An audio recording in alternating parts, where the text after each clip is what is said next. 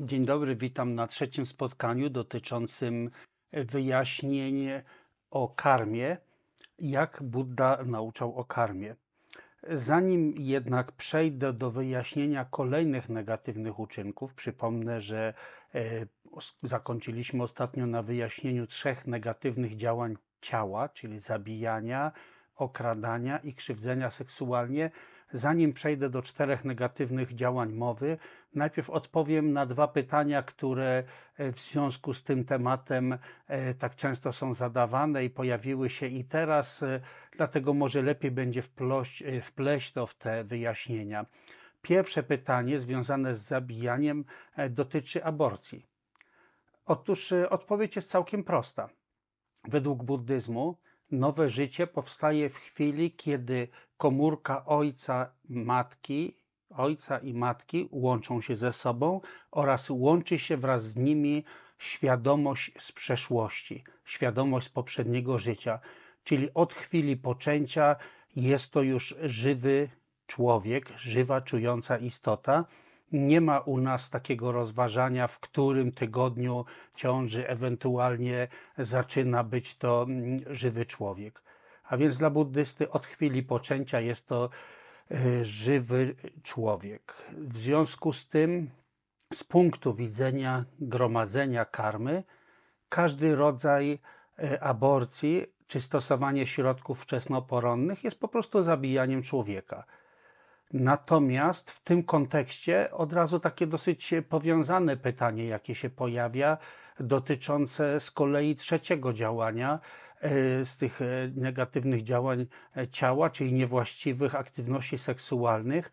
Tutaj pytanie dotyczyło antykoncepcji i odpowiedź jest bardzo prosta i logicznie wynika z tego, co przed chwilą powiedziałem. Wczesnoporonne środki nie wchodzą w grę z punktu widzenia etyczności buddyjskiej.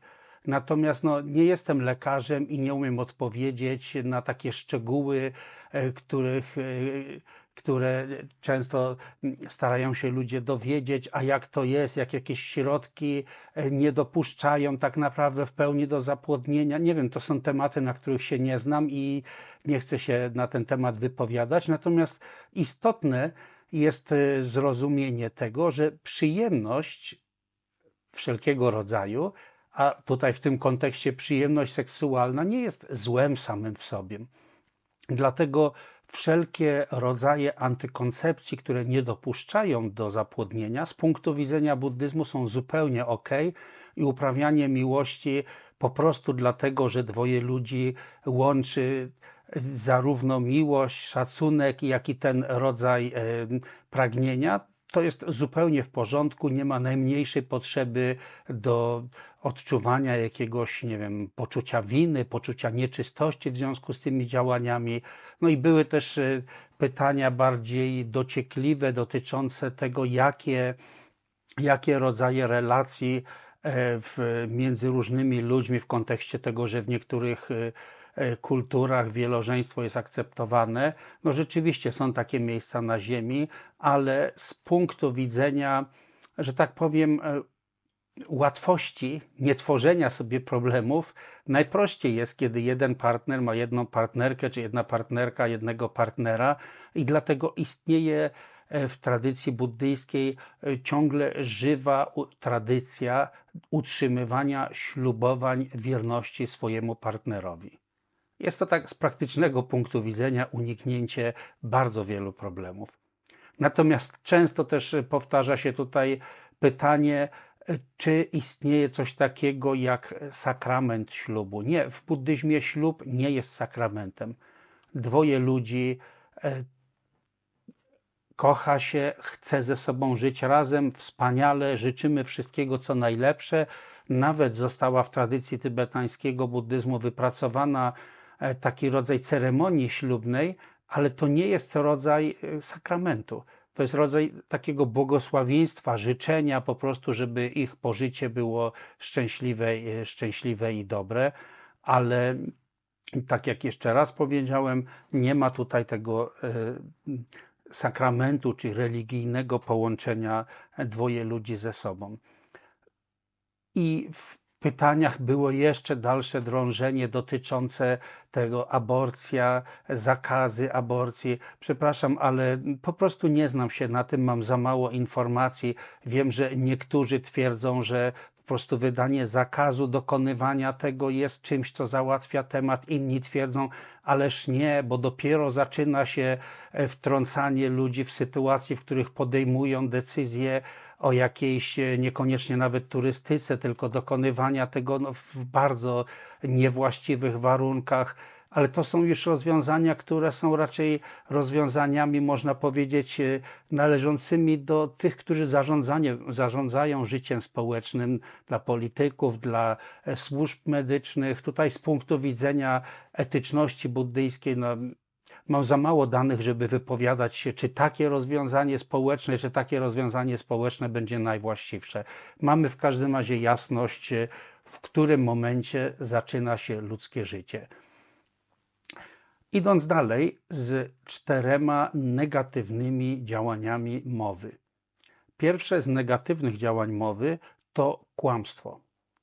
I tutaj można powiedzieć znowu, że istnieją trzy rodzaje kłamstwa, w każdym z tych dziesięciu negatywnych uczynków wyróżnia się trzy jakieś e, szczególne podpodziały. Pierwsze to jest kłamstwo dotyczące swoich własnych duchowych osiągnięć, że tak powiem. A więc przypisywanie sobie jakiejś wyjątkowej wiedzy albo ponadnaturalnych zdolności, ogłaszanie, że otrzymało się na przykład jakieś sekretne nauki, nie wiem, a to w jakichś specjalnych wizjach, a to może od jakichś nauczycieli, okłamywanie innych na ten temat jest wyjątkowo szkodliwe, dlatego że jeśli okłamiemy kogoś w takich, powiedziałbym, zwykłych, e, e, codziennych sprawach, to może mu to bardzo zaszkodzić na to życie. Ale jeżeli zaczynamy udzielać innym błędnych, nieprawdziwych nauk dotyczących duchowej ścieżki, to możemy wpłynąć na wiele przyszłych żywotów, wprowadzając ich na błędną czy fałszywą drogę. Dlatego w nauce o etyce buddyjskiej szczególnie podkreśla się, że to przypisywanie sobie właściwości, których się nie ma, e, to jest szczególnie szkodliwe kłamstwo. I z tego też powodu wszyscy lamowie, aż do tych e, najwyższych rangą, przy każdej okazji zawsze powtarzają, ależ nie, ja to nie mam żadnych specjalnych właściwości. To jest jeden z powodów, nie tylko dlatego, żeby nas uczyć skromności, ale również, żeby mieć pewność, że nie przekroczyło się e, tego pod, tej podstawowej reguły etycznej, nie przypisywania sobie cech, których się nie ma. Inny temat, dosyć e, czasem dla mnie wygląda to zabawne że e, niektórzy biorą bardzo dosłownie, jak jakiś lama mówi o sobie, ja nie mam żadnego wykształcenia, nie mam żadnych duchowych właściwości, tak na dobrą sprawę to, to jestem nikim, no tylko powtarzam tutaj bez zrozumienia pewne słowa. E, niektórzy wydają się tak trochę naiwnie w to wierzyć, dlatego że nasza kultura zachodnia jest nastawiona tak bardzo na autopromocję, i współcześnie w takim życiu korporacyjnym, czy jeśli ktoś pracuje w, szczególnie w mediach, tak się zdarza, że miałem okazję stykać się również z ludźmi z tych środowisk i bardzo naocznie widziałem, jak ci, którzy mają największą taką potrzebę autopromowania się, często mają największe, na tym takim światowym czy społecznym poziomie największe sukcesy, Jakie są tego później konsekwencje, to już inny temat. Jak bardzo sami później często w swoim życiu, kiedy okazuje się, że przestają być tym upragnionym, najlepszym, że młodsze pokolenie na przykład zaczyna wygrywać i jak wiele z tym jest związane frustracji, to już jest temat nie na dzisiaj.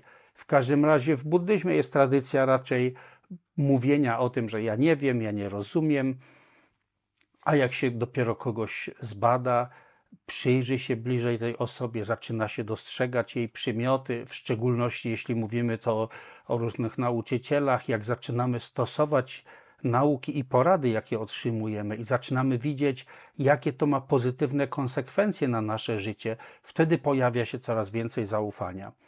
Zaufania budowanego na doświadczeniu, a nie na jakiejś takiej ślepiej wierze, tylko dlatego, że ktoś mówi o sobie: Jestem wielki albo w taki sprytny sposób, nie, ja to jestem nikim, ale wiecie, wszyscy mówią, że ja to jestem taki wielki, ale tak naprawdę ja to jestem nikim. Tylko pamiętajcie, wszyscy mówią, że jestem wielki. też się z takimi spotykałem i ludzie tak naiwnie dają się na to nabierać. Dalej, e, drugi rodzaj kłamstwa to są kłamstwa dokonywane z intencją zaszkodzenia komuś, czy z intencją osiągnięcia jakichś osobistych korzyści. Na przykład popełniliśmy jakiś błąd. Mielibyśmy być za to ukarani i kłamiemy, zrzucając winę na innych, albo okłamujemy kogoś po to, żeby wyciągnąć z tego jakieś korzyści. Takie bezpośrednio kłamstwa z intencją zaszkodzenia komuś są wyjątkowo szkodliwe. Trzeci rodzaj kłamstwa to jest e, taki rodzaj, można powiedzieć, e, ani pozytywne, ani negatywne, tak jak na przykład opowiadamy różnego rodzaju historyjki i mamy przy tym skłonność do zbyt dużego koloryzowania, dodawania, takie można powiedzieć nieszkodliwe kłamstewka. Z jednej strony, tak bezpośrednio na to patrząc, nie przynoszą one nikomu szkody. Ale karmiczny skutek jest taki, że jak ciągle z siebie wyrzucamy słowa, które są nieprawdziwe, to w efekcie w przyszłych żywotach, nawet jeśli będziemy mieli coś ważnego i mądrego do powiedzenia, i tak nikt nie będzie dawać temu wiary.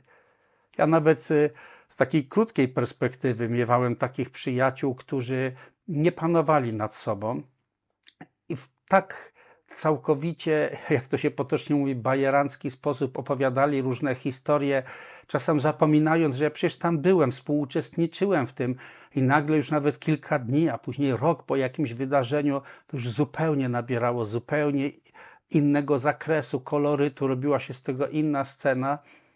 Jak tak ciągle i ciągle ktoś tak samo mówił nieprawdę, to sam wiem, że później nie traktowałem poważnie tej osoby. Okej, okay, fajny gawędziarz, ale na poważnie nie można go traktować. Jeśli chodzi o skutki karmiczne kłamstwa, to jeśli karma zgromadzona na skutek kłamania w pełni dojrzeje, to ten ktoś będzie, odrodzi się w świecie zwierząt. Jeżeli mimo wszystko nie zgromadził aż tak wielkiej karmy, żeby odrodzić się jako zwierzę i odrodzi się jako człowiek, to będzie człowiekiem, który będzie szkalowany o którym będzie e, powtarzało się wiele kłamstw. A ogólnym skutkiem będzie to, że ten ktoś będzie miał taki nieświeży, nieprzyjemnie pachnący oddech. To znaczy, że no, inni po prostu nie będą chętnie go słuchali, będą się odsuwać od niego.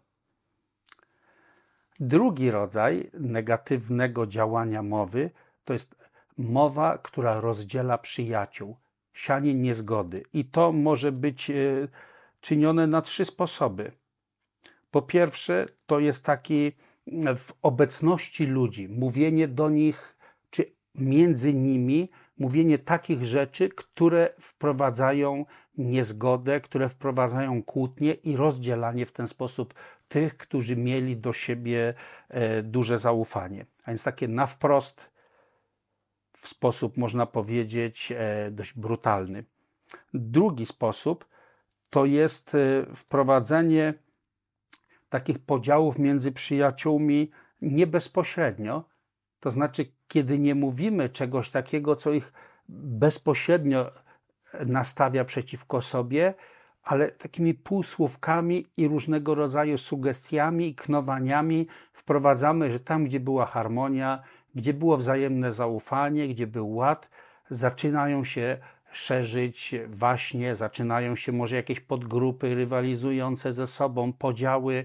Jeśli taki jest, e, taka jest nasza intencja i taki jest skutek naszej mowy, to jest to właśnie ten drugi rodzaj szkodliwej mowy. I wreszcie trzeci rodzaj to jest tworzenie takich podziałów za plecami. Kiedy bezpośrednio tych osób nie ma, a zdarzało mi się w życiu spotykać takie, takie osoby, które na przykład przychodziły i do mnie bla, bla, bla, bla, bla wiesz, albo ten to tamten, tamten to robił, za chwilę dowiaduje się, że tamtej osoby, albo wiesz, Rynchen to to, to, to, tam, tam, to, tam, to, tam, to. Jak e, zdarzało się, że zetknęliśmy się i wiesz co, ta i ta osoba mówi, że podobno Ależ skąd? Nie wiesz, ty nie wiesz tego na poważnie, bo o tobie też mówiła i dochodziliśmy szybko do jakiegoś porozumienia, że okej, okay, nie trzeba po prostu poważnie traktować tego, kto to robi. niestety niektórzy mają wielki talent i wielką siłę siania takiego fermentu, przez co zasiewają sami negatywną karmę, wprowadzając dysharmonię i podziały. Kiedy tego rodzaju działania w pełni dojrzeją, kiedy ktoś zgromadzi bardzo dużo takiej karmy, to w efekcie odrodzi się w piekle. Jeżeli jednak odrodziłby się jako człowiek, to będzie pozbawiony przyjaciół. Będzie cierpieć z powodu bycia samotnym, pragnienia przyjaciół, a inni nie będą go lubić, nie będą go akceptować, nawet jeśli bardzo się stara, przymilać, to i tak wszyscy będą utrzymywać dystans od tego kogoś. Ogólny skutek będzie taki, że ten ktoś urodzi się w miejscu o bardzo nierównej powierzchni, gdzie są różnego rodzaju urwiska, niebezpieczne miejsca. Trzeci rodzaj negatywnej mowy to jest szorstka mowa, czyli takie słowa, które bezpośrednio ranią uczucia innych. I znowu są to trzy rodzaje tego rodzaju mowy. Pierwsze to jest takie bezpośrednie atakowanie, wytykanie komuś jego błędów, mówienie o takich cechach, na przykład na wprost, które są dla tego kogoś przykre.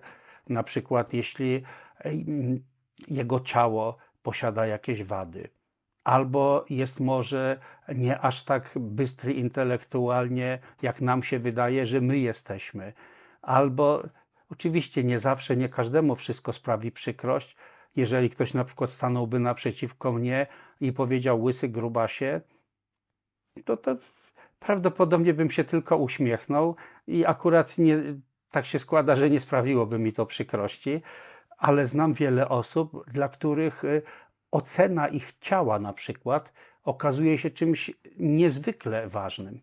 Pamiętam, jak kiedyś pewnej młodej osobie, dziewczynie, dla której uroda była bardzo ważna, powiedziałem, y, to było już wiele lat temu, powiedziałem, że wiesz co, ale nie przykładaj do tego wagi, bo co zrobisz, jak będziesz na przykład mieć 50 lat albo więcej, staniesz się stara i brzydka.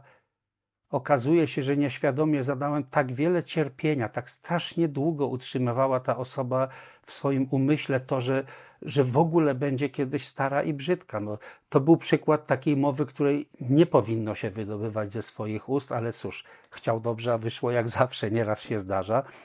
W każdym razie takiego na wprost ranienia uczuć innych powinniśmy unikać. Drugi rodzaj to jest takie pełne sarkazmu naśmiewanie się z cech jakiejś osoby. Takie, e, które jest czynione z intencją zranienia właśnie tej osoby. Nie mówienie szorstko, gwałtownymi słowami, tylko właśnie wytykanie czyichś błędów, w szczególności jest to in, jeśli jest to z intencją właśnie zranienia tej osoby, jest to wyjątkowo szkodliwe, ale nawet przy dobrych intencjach też szkodzi innym.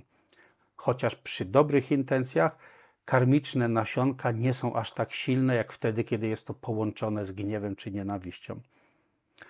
I trzeci rodzaj to jest mówienie o czyichś wadach do osób bliskich. Nie bezpośrednio do tej osoby, tylko do jej bliskich. Ukochanych, najbliższej rodziny, najbliższych przyjaciół, wytykanie wad tej osoby, chociaż ona bezpośrednio tego nie słyszy, ta osoba, nie określam jakiej płci, to i tak wiadomo, że takie rzeczy odbijają się echem i wcześniej czy później jej będzie przykro, a niezależnie od tego, czy te słowa dojdą do tego kogoś, czy nie, my sami, kiedy wydajemy z siebie takie oceny, zasiewamy nasionka karmiczne. To jest zupełnie tak jak w naukach o, dotyczących kłamania.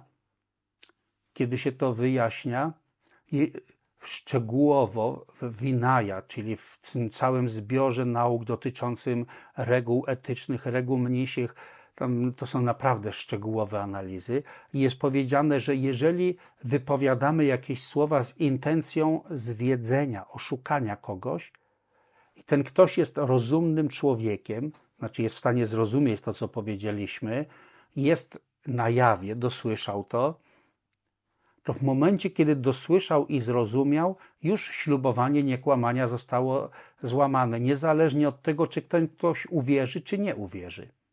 Ważne jest, że my mieliśmy intencję, wykonaliśmy odpowiedni czyn, stało się, ten ktoś zrozumiał, dosłyszał.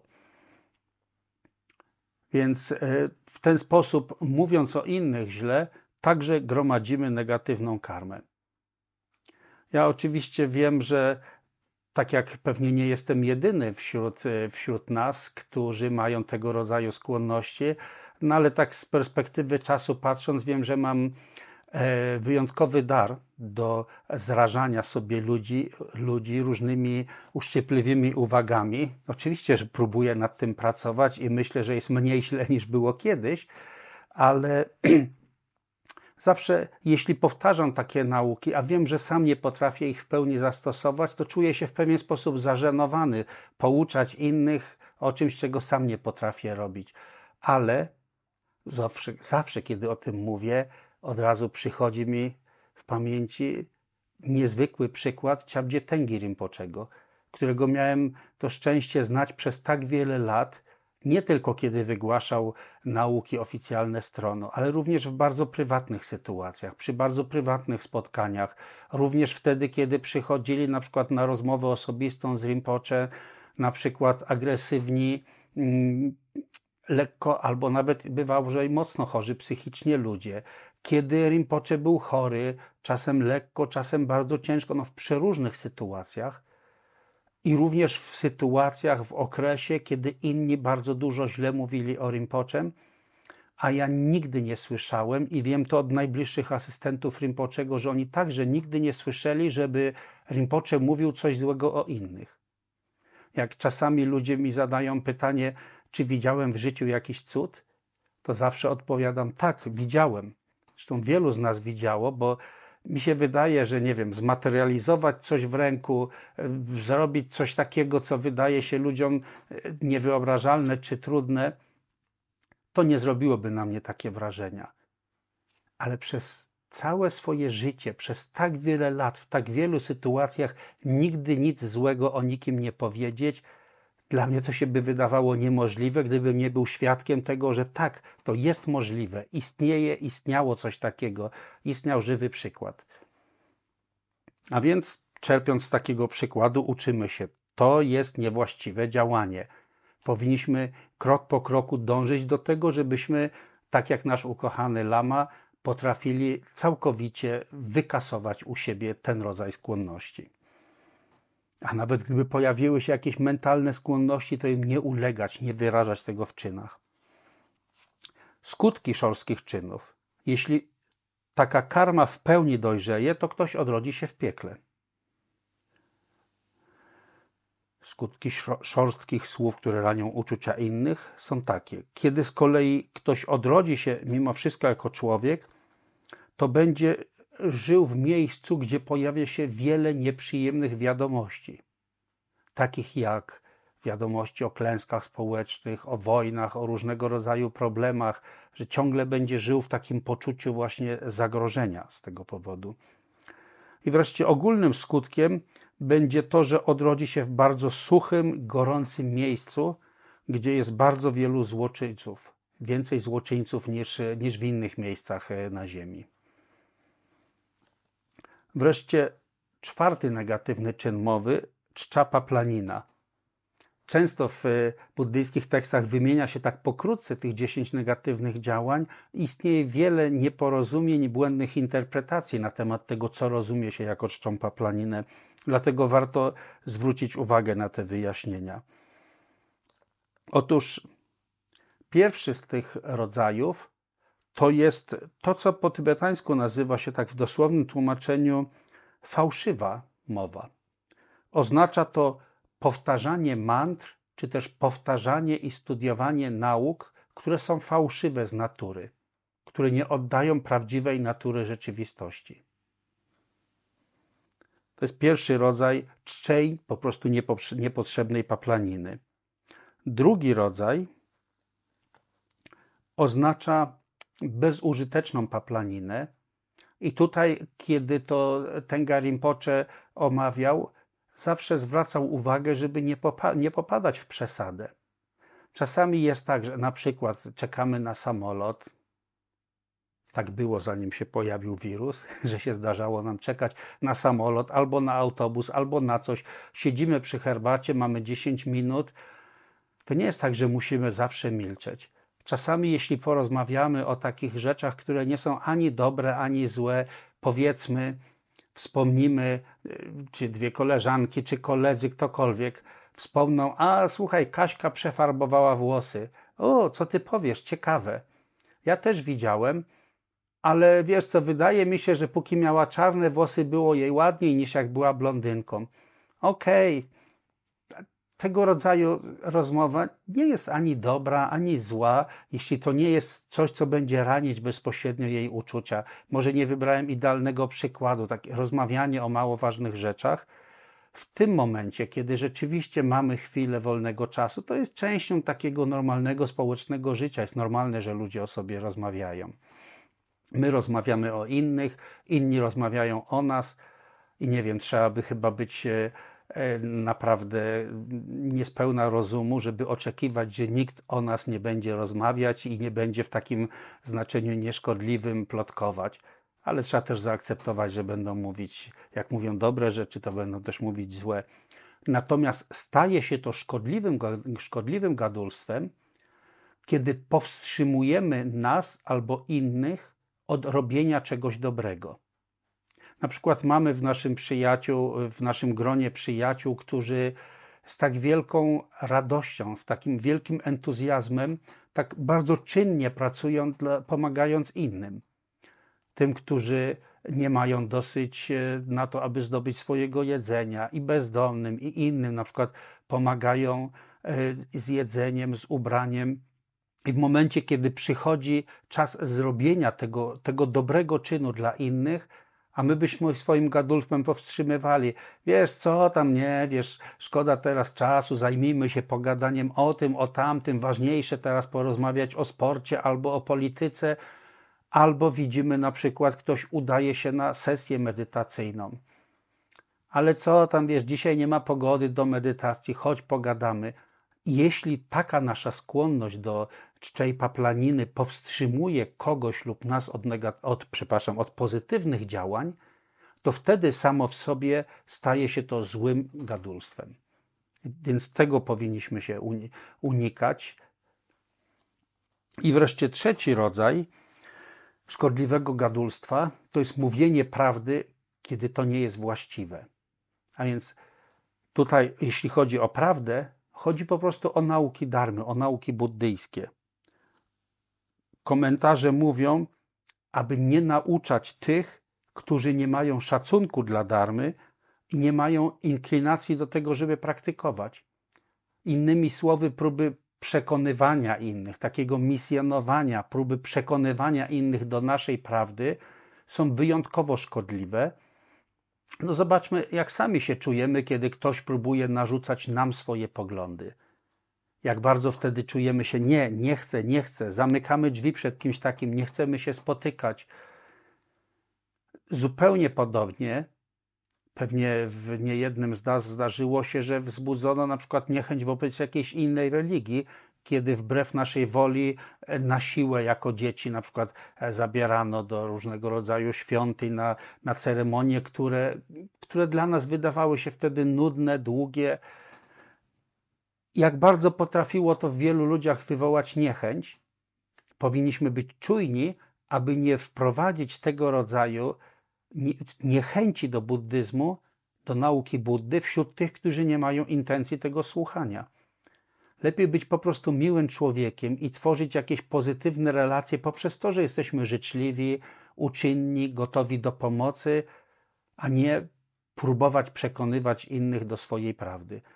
Wręcz mówienie o darmie tym, którzy nie są właściwymi odbiorcami, czyli nie mają szacunku do nauk, do nauczającego, nie mają odpowiedniej intencji, żeby to zrozumieć i zastosować, nauczanie w ten sposób jest uważane za szkodliwy rodzaj gadulstwa. Skutki są takie, że ktoś Najprawdopodobniej, jak zgromadził wiele takiej karmy przez czczą paplaninę, to odrodzi się w świecie zwierząt. Jeśli jednak odrodziłby się jako człowiek, to jego słowa nie będą szanowane. nie będzie miał szacunku ze strony innych i nawet gdyby miał mądre, ważne rzeczy do powiedzenia, nie będą jego słowa szanowane. A on, ogólnym skutkiem będzie to, iż odrodzi się w miejscu, gdzie będą załamania pogody, klęski żywiołowe, pokrótce się mówi, będzie niesprzyjająca pogoda. Pozostały nam jeszcze do omówienia trzy negatywne postawy umysłu. Pierwsza z nich to jest y, żądza, która jak każde inne działanie ma e, trzy rodzaje. Pierwszy rodzaj to jest bardzo duże przywiązanie do tego, co posiadamy. Ja nie próbuję tu mówić, że bycie zadowolonym z tego, że mamy dom, że mamy e, pracę, że mamy ubranie, że mamy rodzinę i tak dalej, że jest czymś szkodliwym. Nie, wręcz przeciwnie. Potrzebujemy gdzie mieszkać, potrzebujemy e, mieć środki na to, żeby zdobyć jedzenie, żywność, ubranie. Jesteśmy istotami społecznymi, potrzebujemy rodziny, potrzebujemy przyjaciół. To jest wszystko ważne, ale w momencie, kiedy zaczynamy się czuć dumni i aroganccy z tego, że posiadamy więcej bogactwa na przykład, albo czujemy się wyjątkowi lepsi ze względu na narodowość, albo ze względu na przykład na kolor skóry, albo na przynależność religijną, zaczynamy czuć się z tego powodu lepsi, wywyższać się ponad innych, to ten rodzaj przywiązania staje się szkodliwy i z pewnością będzie prowadzić wyłącznie do cierpienia teraz i łamane przez lub w przyszłości. Drugi rodzaj oznacza bardzo silne pragnienie zdobycia tego, co mają inni. Czyli utrzymywanie takiej intencji, żeby w jakiś sposób pozbawić innych tego, co posiadają, tak żebyśmy my stali się tego, tego właścicielem. Czyli rodzaj przywiązania czy pożądania do tego, co inni posiadają. I trzeci rodzaj to jest z kolei, powiedziałbym tu specjalnie dorzucę słowo obsesyjne pragnienie wobec tych dóbr czy bogactw, które nie należą do nikogo. Jakieś na przykład może ukryte skarby, może jakieś e, minerały leżące pod ziemią. I znowu nie jest, nie jest szkodliwe to, że potrzebujemy zdobyć normalne środki do utrzymania siebie, swojej rodziny, ale istnieje, nie muszę chyba tego w szczegółach tłumaczyć, e, istnieje ta granica, kiedy taki rodzaj rządzy staje się na tyle obsesyjny, że pcha nas do popełniania negatywnych działań ciała i mowy. Wtedy jest to szkodliwe. Skutki takiego pragnienia, jeżeli w pełni ta karma dojrzeje, to odrodzimy się jako głodny duch. A nawet jeżeli odrodzilibyśmy się jako człowiek, to jako, czy z powodu wytworzenia tego nawyku, pragnienia, pragnienia, to odrodzimy się jako człowiek, y, który będzie nękany porządliwością będzie miał ciągłe poczucie posiadania za mało. Jak wiele by nie nagromadził, to i tak psychicznie będzie po prostu biedakiem. Ogólny skutek będzie taki, że ktoś odrodzi się w miejscu, gdzie będą kiepskie plony i ogólnie rzecz biorąc e, w miejscu, gdzie panuje bieda. Drugi rodzaj negatywnej postawy umysłu to są e, to jest zła wola. Pierwsza oznacza pragnienie zabicia czy też pokonania kogoś z nienawiści, na przykład w czasie walki. To może dotyczyć jakichś określonych narodów, które chce się zniszczyć, grup etnicznych, nienawiść wobec grup społecznych, jakichś klanów albo poszczególnych osób. Drugi rodzaj to jest e, pragnienie, żeby jakiś rodzaj cierpienia, a najlepiej śmierć, e, e, e, dotknęła jakiegoś rywala, kiedy boimy się, że on nas pozbawi wyjątkowości tej sytuacji, w której jesteśmy. Czyli można powiedzieć, pierwsze to jest z nienawiści, drugie ze strachu.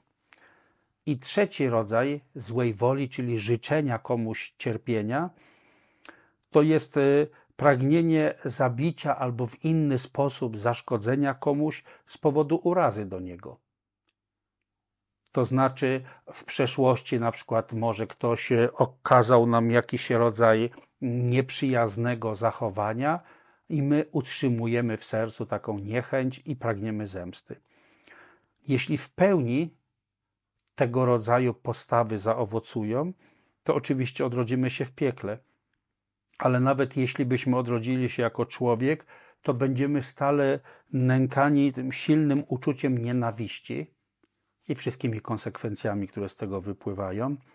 A ogólnie mówiąc, odrodzimy się w miejscu, gdzie jest e, bardzo słabe i gorzkie pożywienie. Trzeci rodzaj negatywnej postawy umysłu to błędne poglądy. Są znowu trzy rodzaje, czy też trzy grupy błędnych poglądów.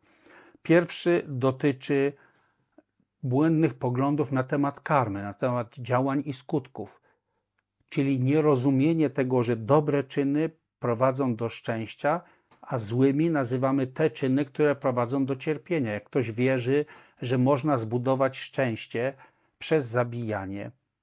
Już takim skrajnym przykładem błędnych poglądów jest to, jak ktoś myśli, że może zbudować szczęście przez składanie krwawych ofiar, czyli zabijanie, żeby udobruchać e, jakichś potężnych bogów czy duchy. Drugi rodzaj błędnych poglądów dotyczy trzeciej i czwartej spośród szlachetnych prawd, czyli nawet jeżeli ktoś praktykuje ścieżkę, ale nie wierzy w to, że ona może przynieść rezultat w postaci pokonania, usunięcia zarówno wszystkich emocjonalnych splamień, jak i najbardziej podstawowej niewiedzy i wyjścia w stan, który jest poza cierpieniem i braku satysfakcji. Czyli mówiąc pokrótce, niewiara w to, że ścieżka prowadzi do ostatecznego owocu.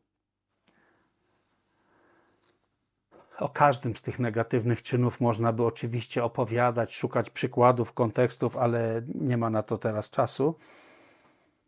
A z pewnością w przyszłości, jeśli ktoś będzie e, bardziej dokładnie studiować nauki buddyjskie, no to będzie wiele okazji, żeby się zastanawiać nad e, tymi aspektami.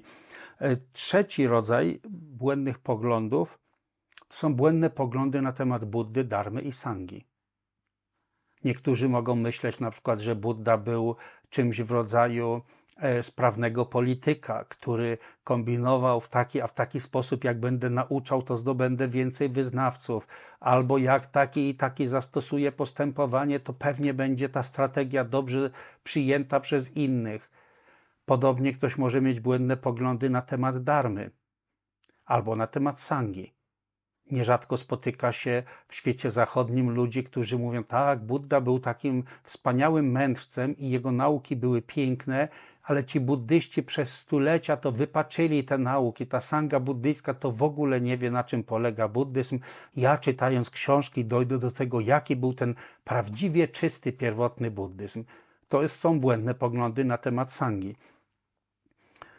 Jeśli ktoś posiada tego rodzaju błędne poglądy, którakolwiek z trzech kategorii, to jeśli ta karma w pełni dojrzeje, odrodzi się jako zwierzę nawet jeśli odrodzi się jako człowiek, to będzie pozbawiony zdolności jasnego pojmowania. Po prostu mało inteligentny człowiek, który żyje w, w niewiedzy, w głupocie. Ogólnym skutkiem będzie to, że urodzi się w miejscu, gdzie e, panuje susza, gdzie bardzo trudno zdobyć w ogóle środki do utrzymania życia. A więc ogólnie w ten sposób przedstawiłem 10 negatywnych działań. Przypomnę dla podsumowania: trzy negatywne działania ciała, czyli zabijanie, okradanie i krzywdzenie seksualnie. Cztery negatywne działania mowy, czyli okłamywanie, sianie dysharmonii i niezgody, szorstka mowa oraz bezmyślne gadulstwo. I trzy negatywne działania umysłu, czy też postawy umysłu, to jest e, E, żądza, nienawiść albo zła wola i błędne poglądy. Istnieją też inne sposoby klasyfikowania negatywnych działań, mianowicie e, w zależności od tego, jaka motywacja towarzyszy nam przy wykonywaniu któregoś z negatywnych czynów. Jeśli dominującą i towarzyszącą nam najczęściej motywacją jest nienawiść i gniew, to skutkiem będzie odrodzenie w piekłach. Jeśli pożądanie, to w światach głodnych duchów. Jeśli głupota, to w świecie zwierząt. A więc w trzech niższych sferach egzystencji, gdzie cierpienie jest dominujące, cierpienie bólu towarzyszy niemal nieustannie. Tak jak w świecie zwierząt, na przykład ciągły strach. Strach bez byciem, przed byciem złapanym, zabitym, zjedzonym w dzikiej, w przyrodzie. To jest ciągle zwierzęta żyją w takiej e, niezwykłym lęku. I stąd takiej wielkiej czujności. Z kolei klasyfikuje się też to w zależności od tego, jak wiele wykonywało się czynów. Jeśli bardzo wiele negatywnych czynów, a niewiele pozytywnych, to odrodzenie będzie w niższych światach. Jeżeli tylko średnio wiele, znaczy w niższych mam na myśli w tych najniższych, w piekłach, jeżeli średnio wiele, to w świecie głodnych duchów. Jeżeli stosunkowo niewiele, to w świecie zwierząt. Tak czy inaczej, trudno jest to tak po prostu intelektem ogarnąć wszystkie czyny z tego życia i z poprzednich żywotów i e, do, dowiedzenie się, jaki rodzaj karmy weźmie górę w czasie, kiedy będziemy umierali. To jest trudne do, do przewidzenia, do zrozumienia za pomocą intelektu. Pokrótce powiem tylko, że przeciwieństwem 10 negatywnych działań jest 10 pozytywnych działań. Pozytywnych po tybetańsku geła tłumaczone są jako, czy też kusiala w sanskrycie, jako pozytywne, cnotliwe, szlachetne, różnie to tłumaczymy. One są przeciwieństwem. Odbierania życia przeciwieństwem jest ratowanie życia innych. Przeciwieństwem kradzieży jest bycie szczodrym i pomocnym. Przeciwieństwem krzywdzenia innych seksualnie, seksualnie jest utrzymywanie, można powiedzieć, czystości etycznej pod tym względem, nie krzywdzenie innych. Przeciwieństwem kłamania jest prawdomówność. Przeciwieństwem siania niezgody jest takie działanie, w szczególności mową, że wprowadzamy harmonię, zgodę, porozumienie. Przeciwieństwem szorstkiej mowy jest mówienie w sposób łagodny, uprzejmy, który, który sprawia innym po prostu e, radość, zadowolenie. Przeciwieństwem błędnych poglądów jest utrzymywanie właściwego zrozumienia i zaufania, w szczególności do nauk o karmie i ogólnie rzecz biorąc do nauk Buddy. Przeciwieństwem rządzy jest bycie zadowolonym z tego, co się posiada. Przeciwieństwem nienawiści jest miłująca dobroć i współczucie, życzenie innym szczęścia. Aha, bo przeskoczyłem e, czwarte negatywne działanie mowy, pominąłem, czyli czczapa planina. Przeciwieństwem tego jest mówienie prawdy, mądrych słów wtedy, kiedy to jest potrzebne. I teraz y, ostatnia negatywna postawa umysłu, czyli przeciwieństwem błędnych poglądów jest posiadanie zaufania. Wspomniałem wcześniej, że istnieją działania negatywne, pozytywne oraz działania bez ruchu. Nie jest to teraz y, właściwy moment na to, żeby je w szczegółach opowiadać, objaśniać, ale powiem pokrótce, że chodzi tu o różne poziomy i etapy tak zwanego wchłonięcia medytacyjnego. Kiedy ktoś rozwija taką zdolność bycia pochłoniętym medytacją, że jakiekolwiek inne obiekty zewnętrzne, obiekty zmysłów, ani pojawiające się e, myśli, wspomnienia, wyobrażenia o przyszłości nie rozpraszają go, jest całkowicie pochłonięty medytacją. Tutaj mówimy o czterech etapach czy czterech poziomach wchłonięcia foremnego i czterech wchłonięciach bezforemnych. Nazwy pochodzą stąd, czy jest tu jakiś konkretny obiekt, na którym się skupiamy, czy też nie ma już jakiegoś posiadającego e, bezpośrednie cechy obiektu. Bardzo pokrótce mówiąc, rezultatem czterech wchłonięć foremnych może być jeśli utrzymamy ten rodzaj stabilnej, stabilnego wchłonięcia medytacyjnego w czasie śmierci i po śmierci, to może być odrodzenie wśród którejś z 17 poziomów, którejś z 17 sfer bogów e, foremnych.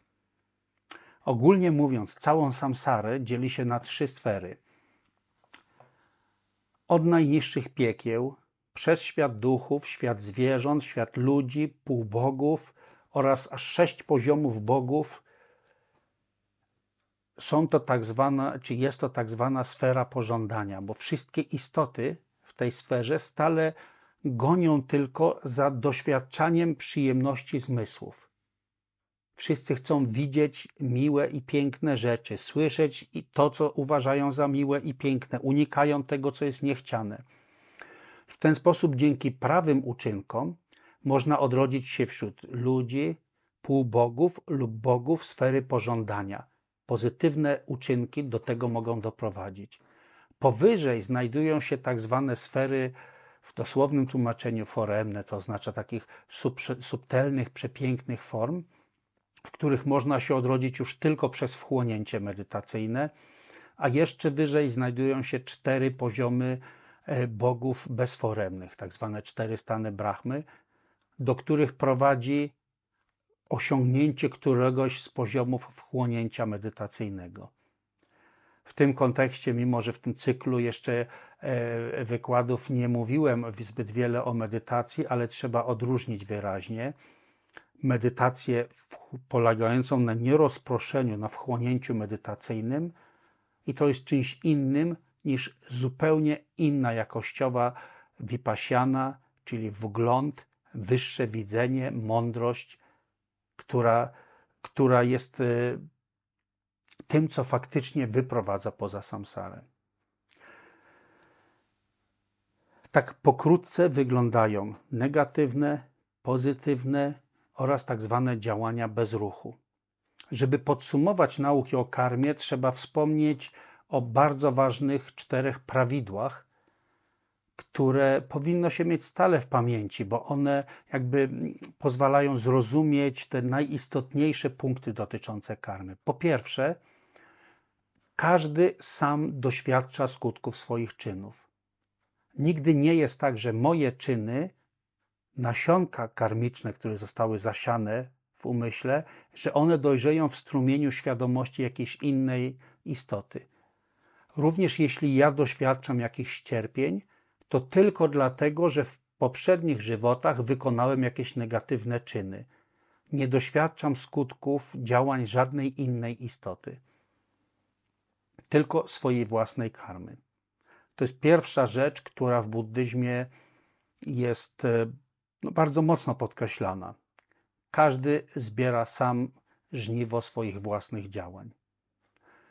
Drugie, nieuchronność skutków. To znaczy, że jakiekolwiek działanie wykonamy, zostawia ono w alai, czyli w tej podstawie umysłu, we wszechpodstawie zostawia te karmiczne ślady, te nasionka, które nazywamy bakciak, nawykowe skłonności. I nawet jeśli przez ileś cyklów kosmicznych ciągłego odradzania się nie zbiorą się odpowiednie okoliczności, żeby to nasionko dojrzało, to ono i tak nie przepada. Kiedyś zbiorą się odpowiednie okoliczności i dany czyn przyniesie rezultat, za wyjątkiem jeśli zastosowało się odpowiednie antidotum.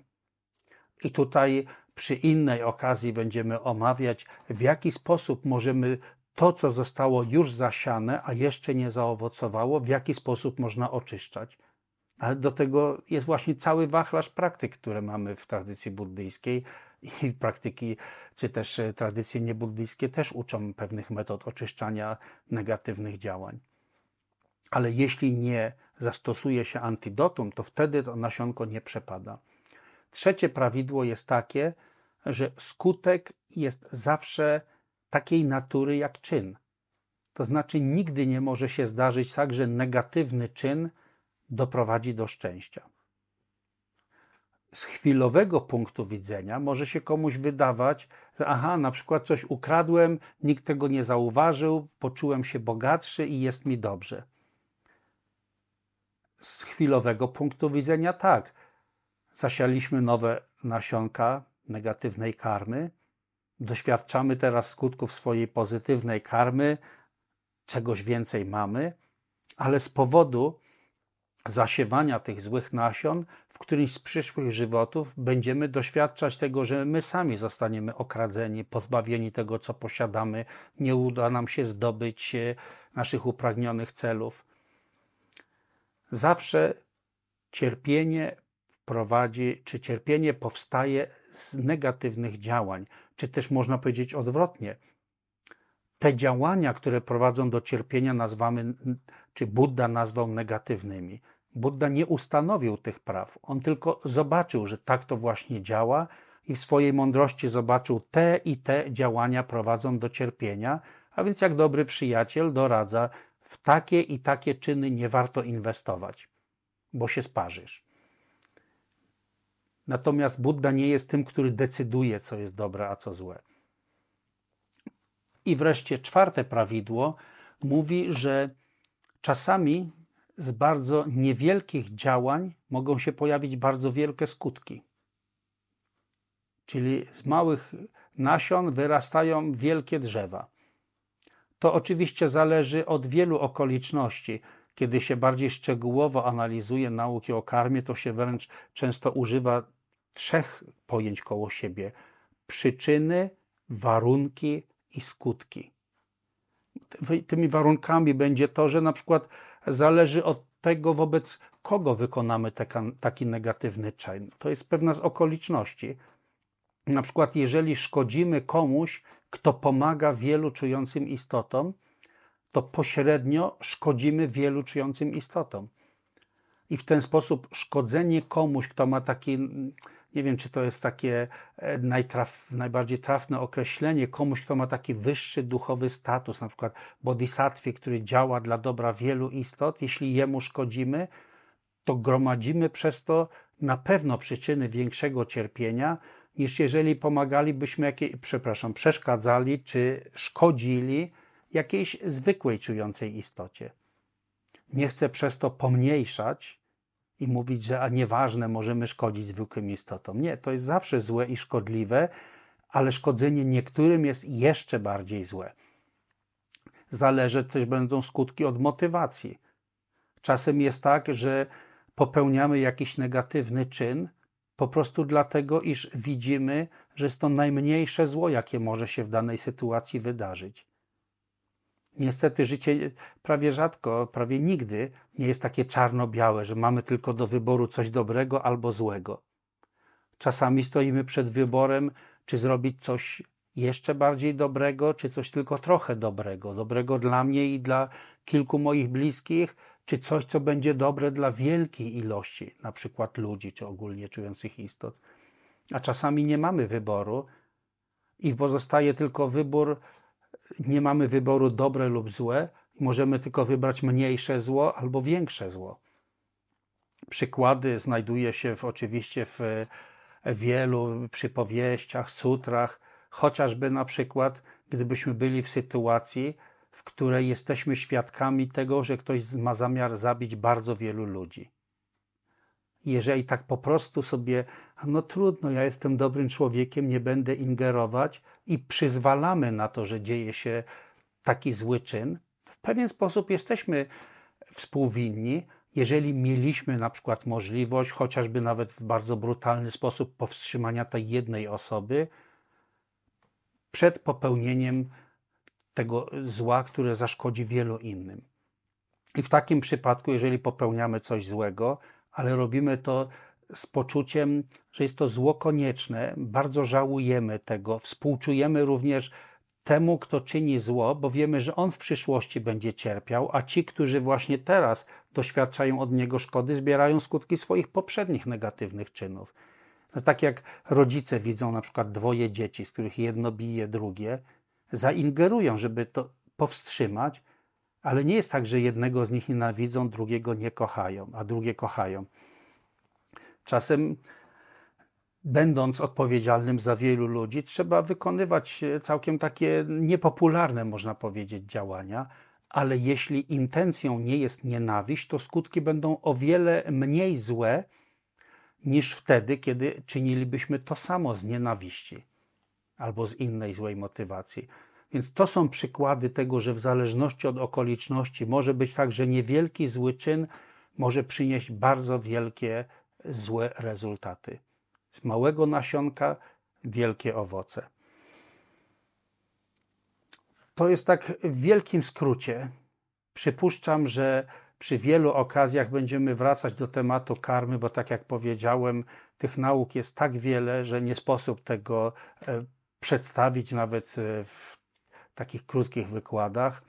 Na razie poprzestaniemy o tym i przy, poprzestaniemy z tym tematem i przy następnej okazji będziemy mówić o czwartym z rozmyślań, z kontemplacji, których zrozumienie pozwala nam uświadomić sobie, w jaki sposób cały, cała samsara jest przeniknięta brakiem satysfakcji i cierpieniem, bo dzięki temu, jeśli te cztery rozmyślania o drogocenności ludzkiego życia, o przemijalności czy nietrwałości, o karmie i o wadach samsary, jeśli będziemy wciąż kontemplować te cztery rozmyślania, to wytworzą one w nas pragnienie zaangażowania się w ścieżkę, która wyprowadza poza samsarę i doprowadza do stanu przebudzenia.